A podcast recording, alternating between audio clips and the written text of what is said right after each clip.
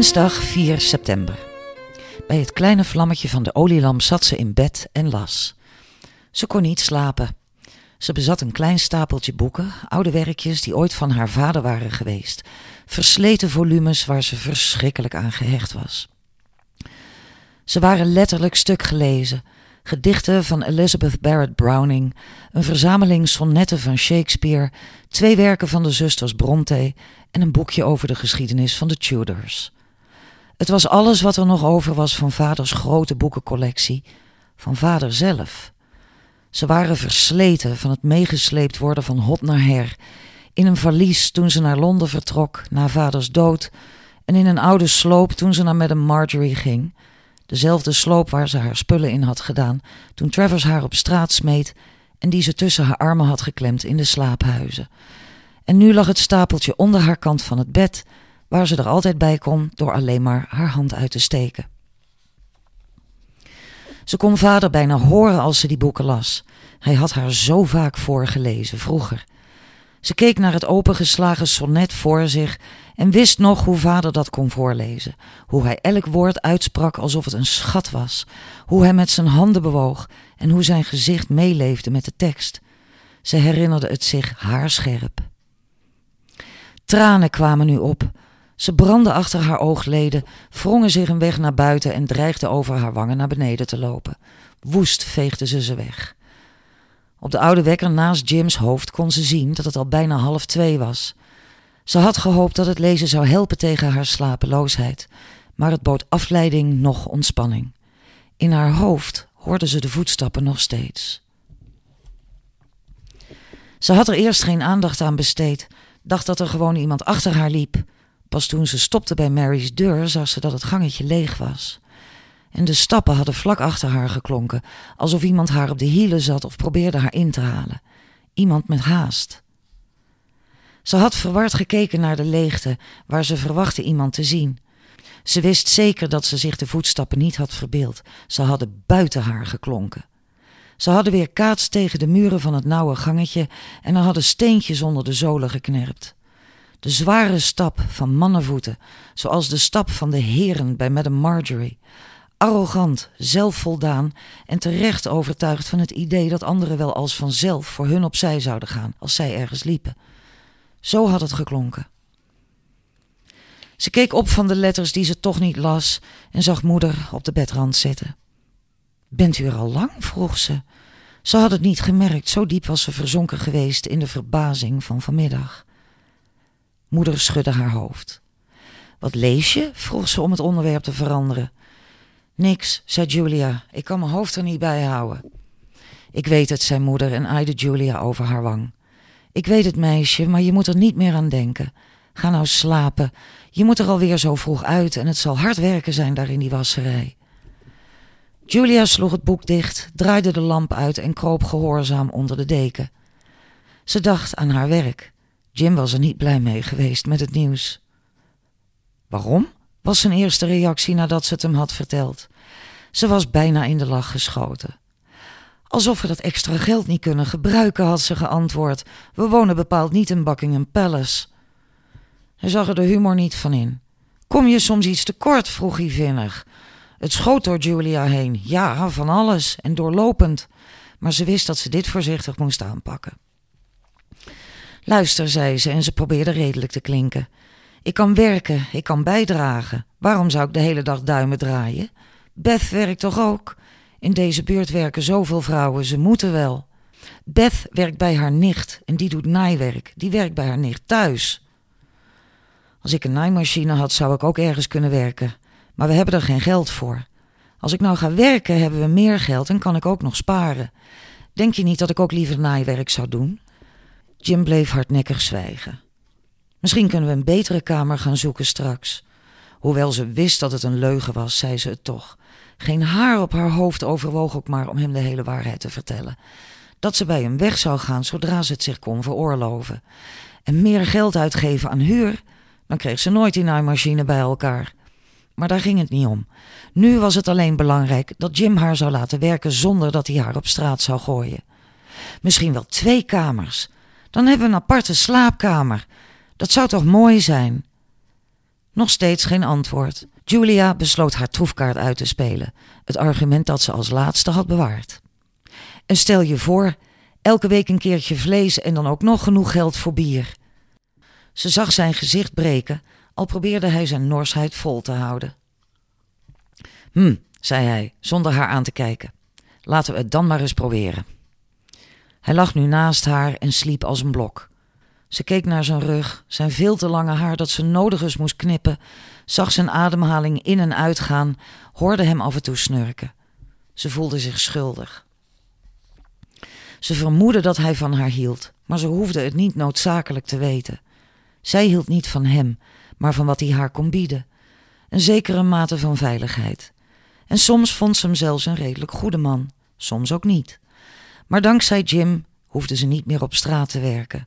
Hij had het haar zelfs uitdrukkelijk verboden. Vanaf het moment dat ze hem was tegengekomen in een kroeg, had hij haar zich als het ware toegeëigend, en dat ze bij hem in zou trekken was voor hem vanzelfsprekend. Hij had haar nooit gezegd dat hij van haar hield, en nooit naar haar gevoelens gevraagd. En waarom zou hij? Samen een kamer delen was meestal pure noodzaak. En zij sliep nog in Itchy Park toen hij het voorstelde. Goed geregeld, zo had hij erbij gezegd. Ze kende hem nog maar een dag of twee. Wat had ze anders moeten doen? Doodgaan op straat? Ze stak de lamp weer aan, probeerde zich weer in het boek te verdiepen, terwijl moeder haar hand vasthield. Het lukte niet. Ze droomde van weggaan hier, van geld in haar zak, van domme dingen, zoals een nieuwe jurk.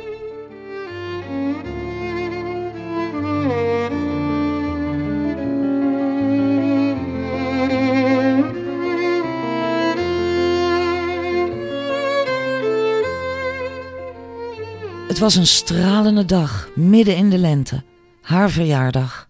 Ze werd 18. Ze zag zichzelf wakker worden in het oude huis. Straks zou ze naar vaders slaapkamer rennen en hem wakker maken. Hij had beloofd haar mee te nemen naar Londen om een nieuwe jurk uit te zoeken. Ze keek er al weken naar uit, ze was nog nooit in Londen geweest. Millie van de slager, die amper een jaartje ouder was dan zij, was er al drie keer geweest en schepte er altijd veel te veel over op. Steven reed hen met vaders kleine rijtuigje naar het station in Guildford. De reis naar Londen was opwindend, maar de aankomst op Waterloo Station vond ze overweldigend. Ze keek naar zichzelf, met vaders hand stevig om de haren, terwijl ze probeerde niet onder de voet gelopen te worden. Toen was ze nog klein. Het was druk in de stad, veel drukker dan ze had verwacht. Vanaf het station gingen ze te voet een enorme brug over en kwamen toen in een weerwar van grote en kleine straten terecht met duur geklede mensen, rijtuigen, winkels. Julia zag zichzelf onder de indruk zijn van al het moois. Dit was de West End, had vader haar verteld. Het deel van Londen waar de rijke mensen woonden, waar ze mooie jurken maakten, speciaal voor meisjes die acht jaar oud werden. Ze keek met open mond terwijl ze vlak naast vader bleef.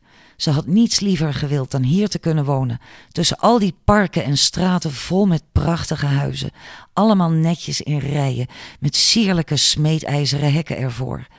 Niet zoals thuis in hun kneuterige dorpje met rare bochten in de onverharde wegen, die bij elke regenbui in een modderpoel veranderden.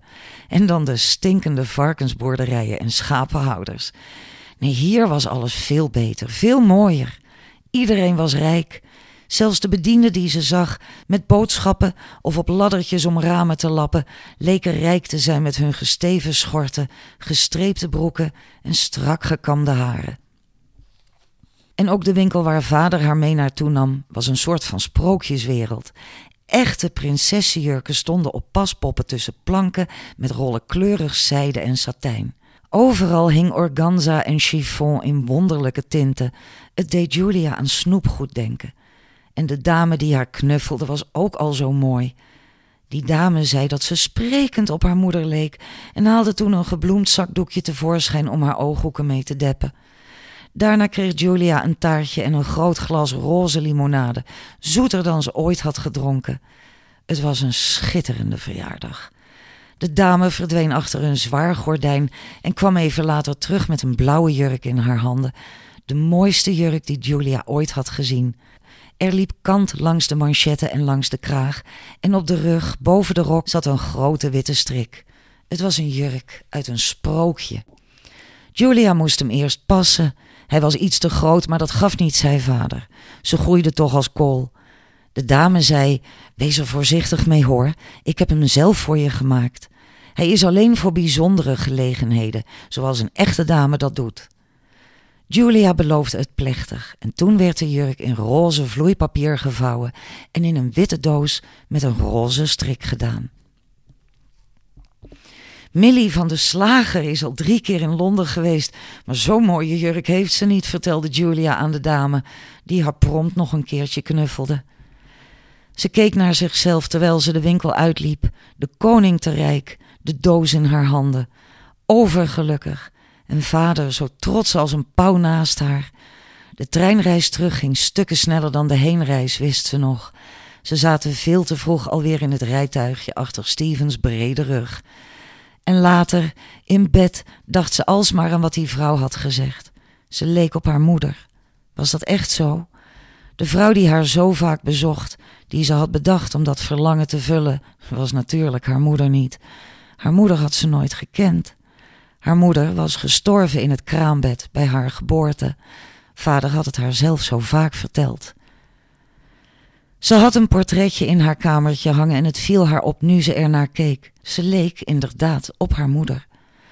Ze keek nog eens naar het slapende kind in het bed en toen weer naar het portretje. En toen werd ze wakker. Ze leek op haar moeder. Dat moest ze onthouden.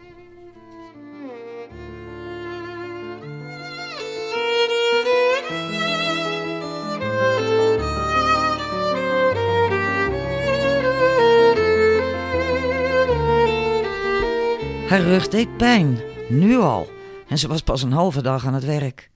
Maar nadat ze even had mogen zitten voor een kop thee en een boterham, merkte ze hoe moeilijk het was om weer op te staan. Haar hele onderrug was stijf geworden in die korte tijd. De eerste paar minuten was bukken bijna onmogelijk. Ze lachte zichzelf uit. Dat kwam er nu eenmaal van als je nog nooit echt werk had verzet. Haar lichaam was er niet aan gewend. Het was een kwestie van doorzetten en niet zielig doen. En dus had ze maling aan de doffe pijn die inderdaad langzaamaan wat minder leek te worden toen ze gewoon weer in beweging kwam. Dit was pijn waar ze aan kon wennen. Palmer, de man die haar gisteren had aangenomen, had niet overdreven toen hij haar waarschuwde voor het zware werk. Maar ze ging zich er niet door uit het veld laten slaan, al moest ze vanavond kreupel naar huis. Woensdag 5 september. Van alle vrouwen waar ze mee werkte, vond Julia Janet de aardigste. Het was een moederlijke vrouw van ergens in de vijftig, schat Julia, met inderdaad de boomstammetjes die ze voor zich had gezien. Alles kon Janet sjouwen, zelfs manden die Palmer of een van de andere kerels niet van hun plek kregen, en ze lachte er ook nog bij, een brede, opgewekte lach. Ze was weduwe, al zo lang dat ik zelf niet eens maar weet hoe die suffert er nou uitzag, zei ze zelf in haar eerste gesprek met Julia. En ze lachte er weer bij. Het was de cholera die hem te gazen nam. Ach, hij was wel lief hoor, maar waar hebben we eigenlijk mannen voor nodig? Kinderen had ze niet, vond ze ook niet erg. Dat is alleen maar zorg. En als ze dan volwassen zijn, hoor je toch niks meer van ze of ze hebben geld nodig. Dat zag ik vroeger wel bij mijn oudere zusters. Wat een ellende. Nee, Janet zorgt voor zichzelf en dat is precies mooi zo. Ze was ook de enige vrouw die Palmer af en toe durfde aan te pakken. Man, houd toch eens op met je gezeur, riep ze tegen hem, toen hij klaagde dat de pauze nu wel lang genoeg had geduurd. De was ligt daar lekker te weken en wij zweten ons dood achter die mangels. En laat haar kind hier even bij komen. Palmer had niks meer gezegd. Op Janet's werk kon hij toch nooit iets aanmerken. Ze werkte als een paard en dronk als een tempelier uit een heupflacon die ze altijd onder haar rok verborg, zodat Palmer het niet zou zien. Het is een doetje hoor, had ze tegen Julia gezegd. Maar Julia wilde niemand tegen de haren instrijken hier, en zeker haar baas niet. Janet kon zich zo'n brutaliteit misschien permitteren, maar zij deed wat haar gezegd werd, en dan nog wel zo snel mogelijk. Ken je hier iedereen al? vroeg Janet tijdens het theedrinken. Bridie, Theresa, Alice. Drie vrouwen met vermoeide, leeftijdsloze gezichten glimlachten naar haar. Julia glimlachte verlegen terug en vond ze eigenlijk afschuwelijk. Afgebulde sloven. Ze haatte zichzelf om die gedachte. Ze was niets beter dan wie dan ook. maar ze dacht het toch. Het went wel door die rug, zei Janet goedmoedig toen Julia overeind kwam. Ik had in het begin ook zo'n pijn, maar over een paar weken ben je zo sterk als een circusworstelaar. Met een lach was ze weer aan het werk gegaan. Julia was een en al bewondering. Jim zat humeurig aan de tafel toen ze thuis kwam. Het is belachelijk dat je bent gaan werken. En mijn eten dan? Ze aten nog steeds van wat Jim mee had gebracht en Julia zette zich direct aan het schillen van een handjevol aardappels. Maar Jim's stemming was niet meer te redden. Dat hoeft nou ook niet meer, zei hij nors en trok het schilmesje uit haar handen. Ik heb van Beth al soep gehad. Hij smeet het mesje in de emmer met de vuile vaat. Julia zat een moment onbeweeglijk. Als Jim zo'n bui had, was hij gevaarlijk. Maar haar maag was verkrampt van de honger. Ze moest iets eten. En dus kwam ze overeind, haalde het mesje uit de emmer, veegde het af aan haar schort en ging verder met schillen. Dat is mooi dat je van Beth soep hebt gehad. En mijn eten dan? imiteerde ze hem hatelijk. Haar drift was iets waar vader haar vaak op had aangesproken. Ze had een bizarre neiging om het lot te tarten, om met het hoofd rechtop in de storm het ongeluk over zichzelf af te roepen. Als het dan toch kwam, vond ze dat ze op zijn minst het recht had het moment zelf te kiezen. Er waren nou eenmaal van die dingen die haar zo kwaad maakten. Maar hoewel ze als kind nog wel eens kon stampvoeten en krijsen als iets niet lukte of ze haar geduld verloor, was dat bij Madame Marjorie al snel afgelopen. Travers had haar vrij hardhandig duidelijk gemaakt dat men daar niet van gediend was in het huis. Nadat Julia eens woest werd op een klant en hem in zijn gezicht had geslagen, omdat hij haar een domme trien had genoemd, had Travers haar voor het eerst meegenomen naar haar gevreesde kelder. En zelfs daar had ze nooit helemaal geleerd zichzelf in te houden. Nee, ze wilde nou niet aan die kelder denken. Ze richtte haar aandacht op Jim, die onredelijke, onbeschofte en domme man. Dom, dom, dom. Kon alleen maar koekjes inpakken en mopperen over alles wat ook maar een beetje tegen zat. Platvloerse sukkel. Dacht je soms dat ik van de lucht kon leven? Of van jouw liefde? snauwde ze. Als hij kwaad op haar was, dan zou zij hem op zijn minst een goede reden geven om nog kwaaier te worden. Niemand had het recht om haar te straffen, behalve zijzelf. Ze keek hem niet eens aan.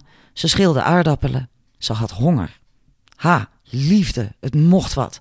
Jouw liefde is net zoals dat stomme hoedje dat je me hebt gegeven. Goedkoop en lelijk. Ik heb er niks aan. Jim's woede uitte zich op de gebruikelijke manier. Een stoel die opzij werd gesmeten, zijn handen die haar bij haar polsen grepen. Het was een choreografie die ze ondertussen beide uit het hoofd kende. Een pas de deux die nooit lang duurde, maar die altijd hevig was. En die ook nu eindigde op dezelfde manier. Jim die de deur achter zich dichtsmeet op weg naar de kroeg of waar dan ook. En Julia die huilend achterbleef, terwijl de zwellingen en de bloeduitstortingen opkwamen zetten.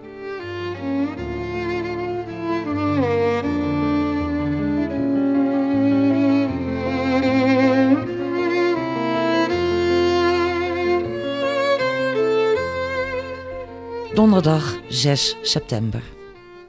Janet was geschokt bij het zien van de blauwe plekken en bulten in Julia's gezicht. Wat heb jij voor een vent? vroeg ze. Ze hingen allebei over de rand van de spoeltobbe, een kuip die zo groot was dat ze erin hadden kunnen zwemmen. Het werk was verschrikkelijk. Haar linkerschouder was nog beurs van gisteravond. Alsof ze had geprobeerd een olifant op te tillen, zo'n spierpijn had ze.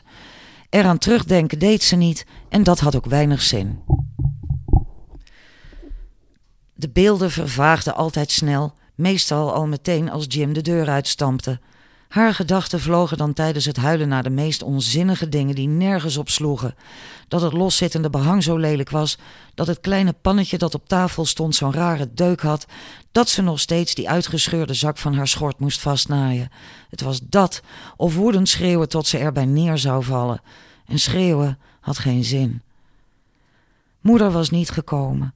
Dat was misschien nog wel het grootste drama van gisteravond geweest, dat moeder niet kwam toen Julia haar zo hard nodig had. Dat was nog nooit eerder gebeurd. Als zij verdrietig was, kwam moeder en die maakte alles weer goed. Zo werkte dat nou eenmaal. Maar gisteren kwam ze niet. De hele nacht had Julia op haar gewacht. Ze kon er niet van slapen en Jim was er toch niet. Maar er was taal, nog teken van moeder geweest. Ze had erover gepiekerd had geprobeerd vat te krijgen op wat er met haar gebeurde, maar het had haar op een spoor gebracht dat ze al vlot niet meer kon volgen. de overeenkomst tussen moeder en de voetstappen die ze had gehoord. Het was een gevaarlijke gedachtegang. Waar lag het verschil tussen die twee? Maar wist ze dan zeker dat er echt niemand achter haar liep? Ze wilde daar niet eens meer over nadenken. Ze vroeg het zich nu al dagenlang af. Er was niemand geweest. Haar idiote hoofd had het haar wijsgemaakt, dat geluid. Als ze zo bang was voor die voetstappen, moest ze dan ook bang zijn voor moeder? Het had te maken met grenzen, had ze besloten, maar dat had haar niet verder geholpen, want het bleek onmogelijk te bepalen waar die grenzen dan precies lagen. Moeder was goed, moeder hield haar staande als ze het zelf niet meer kon. Maar ze was een grens overgegaan zonder het zelf door te hebben gehad. Ze had het gevoel dat ze niet meer wist waar ze was. Dat met die schoongemaakte kamer van laatst, dat klopte ook van geen enkele kant, al had ze haar best gedaan er haar schouders over op te halen. Het was niet gelukt. Was moeder nou maar gewoon gekomen, dan was er niks aan de hand geweest. Maar nu leek ze zichzelf niet meer te kunnen vertrouwen. Het was het slopende bestaan hier, had ze tenslotte geconcludeerd. Het putte een mens uit om doorlopend in ontbering te moeten leven. Het was simpelweg de aftakeling die iedereen hier meemaakte. Onvermijdelijk. En met die conclusie probeerde ze zichzelf gerust te stellen. Het koude water in de spoeltobbe klotste tegen haar buik, doorweekte haar kleren, terwijl ze probeerde met een lange stok de lakens heen en weer door het water te sleuren. Ze durfde Janet niet aan te kijken. Maar iedereen had het al lang gezien hier, hoe zij was toegetakeld. En niemand had het iets bijzonders gevonden. Alleen Janet wond zich erover op. Ik weet dat kerels vaak slaan, maar ik begrijp niet dat vrouwen dat goed vinden, zei ze. Bij zo'n vent ga je toch zeker weg? Je laat je toch niet slaan? Ze legde haar spoelstok op de rand van de kuip om hem als hefboom te gebruiken. Een groot, nat laken kwam druipend mee omhoog. Met een hoop gespetter liet ze het weer in het water vallen en duwde het met de stok naar beneden. Ik bedoel, je bent toch best een stevige meid. Waarom geef je hem niet eens een lel terug? Moet je eens kijken hoe snel die dan bijdraait. Jim niet, zei Julia. Ze wist maar al te goed wat Jim zou doen. Hij zou haar op straat smijten. En dan? Van wat ze hier verdiende kon ze niet leven. Zelfs Janet verdiende bij op straat om rond te kunnen komen. Ze wilde van geen man afhankelijk zijn, zei ze. Maar Julia vond dat Janet ondertussen volledig afhankelijk was van mannen. Je moet voor jezelf zorgen, zei Janet met een vastberaden knik van haar hoofd. Dat is het enige dat erop zit, meid. Voor jezelf zorgen. Als je het een man laat doen, wordt het niks.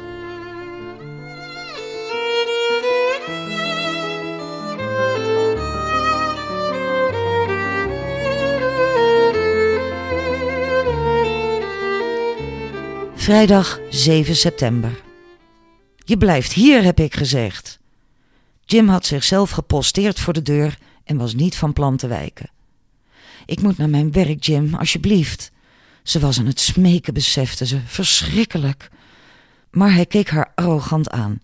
Nee. Ze sloot haar ogen een moment en zuchtte, probeerde rustig te blijven. Maar eigenlijk had ze zin om te doen wat Janet had gezegd. Dus flink slaan op die ellendige tronie van hem. Wat kon hij toch een hufter zijn? Ik zal ontslagen worden als ik niet kom werken. Is dat wat je wilt? Hij hoefde niet eens antwoord te geven. Zijn blik zei genoeg. Ze knikte, inmiddels ook kwaad. Goed dan. Dan maar geen extra geld hier in huis. Ze liep naar het bed, ging erop zitten en pakte een boek. Dan ga ik maar lekker genieten van mijn vrije tijd terwijl jij werkt. Ze hoorde aan zijn ademhaling dat hij driftig werd. Het kon haar niks meer schelen. Ze haatte hem. Hij zag haar niet als mens of als persoonlijkheid. Hij zag haar als zijn bezit. En dat was ze niet. Dat zou ze nooit zijn. Daarvoor was ze niet bang genoeg voor hem. Hij kwam nu op het bed af, zijn arm opgeheven en zijn vuist gebald. Er knapte iets bij haar. Het moest er een keertje uit. Ja, schreeuwde ze tegen hem terwijl ze opsprong. Sla me dan. Daar ben je toch zo goed in, in mij slaan? Toe dan, sla me. Of schop me, dat geeft wat variatie. Toe dan. Ze stond vlak voor hem, haar ene wang naar hem toegekeerd, en vroeg zich af of ze toch haar verstand had verloren. Hij zou geen spaan van haar heel laten. Het was één klap, een harde. Ze draaide ervan om en viel op het bed. En toen hoorde ze de deur dichtslaan en op slot gedraaid worden.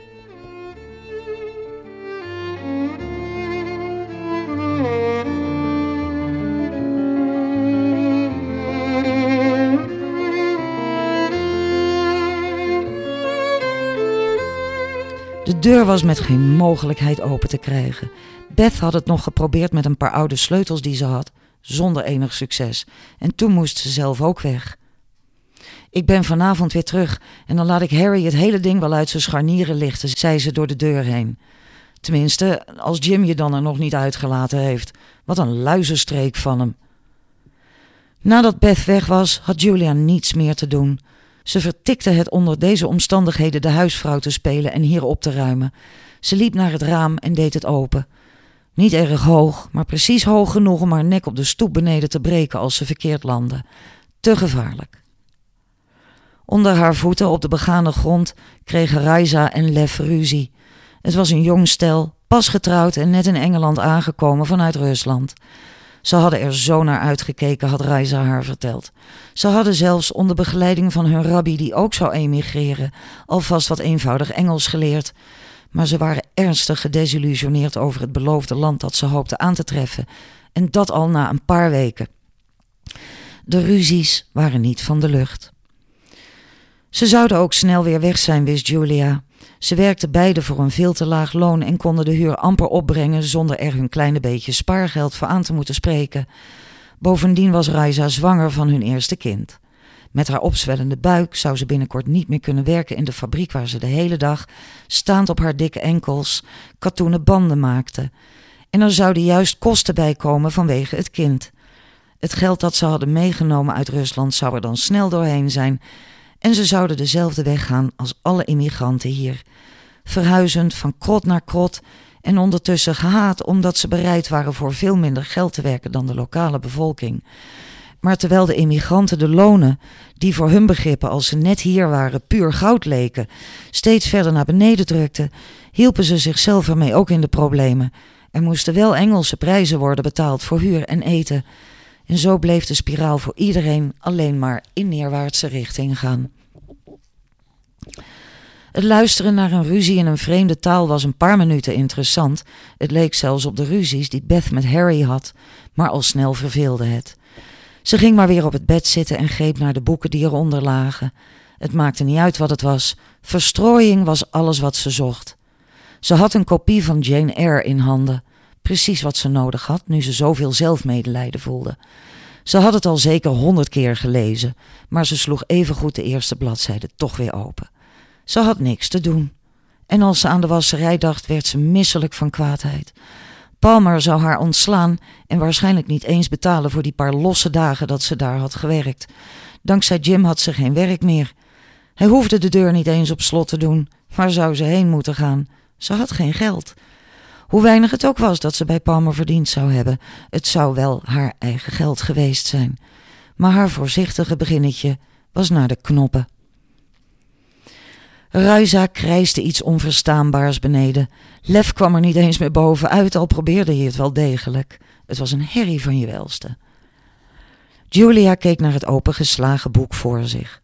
Dan maar lezen tot die twee ophielden met schreeuwen en ze kon slapen. Ze was nog moe genoeg van die paar dagen in de wasserij. Er was die dag geen mogelijkheid tot wandelen. Ze keek nauwelijks naar de woorden, ze kende het bijna uit haar hoofd.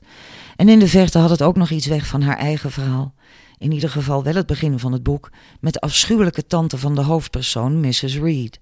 De wees Jane, die tegen tante's zin in haar huishouden was opgenomen, werd over het algemeen genegeerd, of ze werd ronduit slecht behandeld. Ik was een bron van wrijving op Gateshead Hall. Ik leek op niemand daar.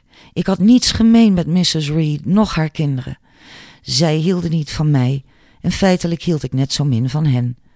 Ze voelde zich niet verplicht om met affectie naar een ding te kijken dat niet eens kon meevoelen met ook maar één van hen. Een afwijkend ding, contrasterend in temperament, in aanleg, in neigingen. Een waardeloos ding, niet in staat hun interesse te dienen of toe te voegen aan hun plezier.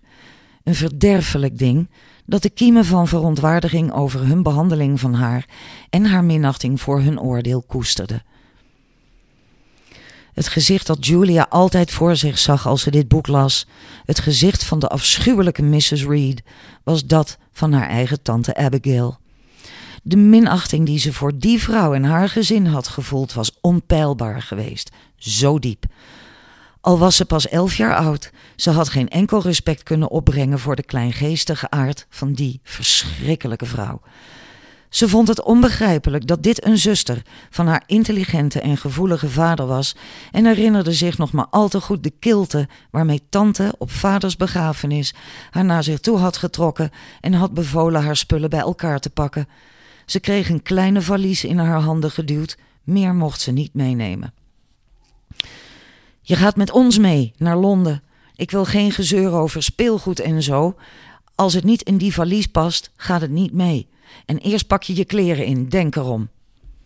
Haar poppen, haar mierenkolonie die ze met vader had gebouwd, haar lakens met de kleine roosjes waar moeder nog onder geslapen had toen ze een meisje was. Ze moest het allemaal achterlaten. Ze stouwde haar kleren zo diep mogelijk weg in de valies, zodat er tenminste nog een paar boeken bij konden. Vader had altijd gezegd dat boeken het belangrijkste waren dat een mens kon bezitten aan spullen. Wat daarin stond, daar leerde je wat van. En iets leren was het allerbelangrijkste in de wereld. En dus propte ze net zo lang tot de valies vol zat. Twee jurken, ondergoed en een stuk of twaalf boeken die ze haastig had uitgezocht. Tante Abigail moest dus proberen ze af te pakken. Dan zou ze meer krijgen dan alleen maar gezeur. Zeker weten.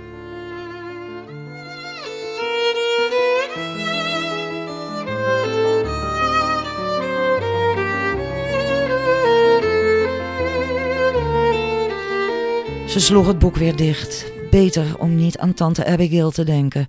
Als ze nog kwader werd dan ze al was, zou ze haar verstand verliezen en nooit meer ophouden met raaskallen. Dan zou ze zeker afgevoerd worden. Dan maar een ander boek pakken. Ze probeerde het met Shakespeare. Zijn sonnetten vond ze altijd heerlijk. Maar het had geen enkele kans van slagen meer. Ze bleef dat ontevreden gezicht van tante Abigail maar voor zich zien. En dat van haar lompe echtgenoot Thomas. Zo'n drie maanden hadden ze het met haar volgehouden. Ze paste daar niet in dat gezin. Ze vond hen onbeschofte horken, terwijl ze haar een nuffige trut vonden. Een kakmadam die het veel te hoog in haar bol had.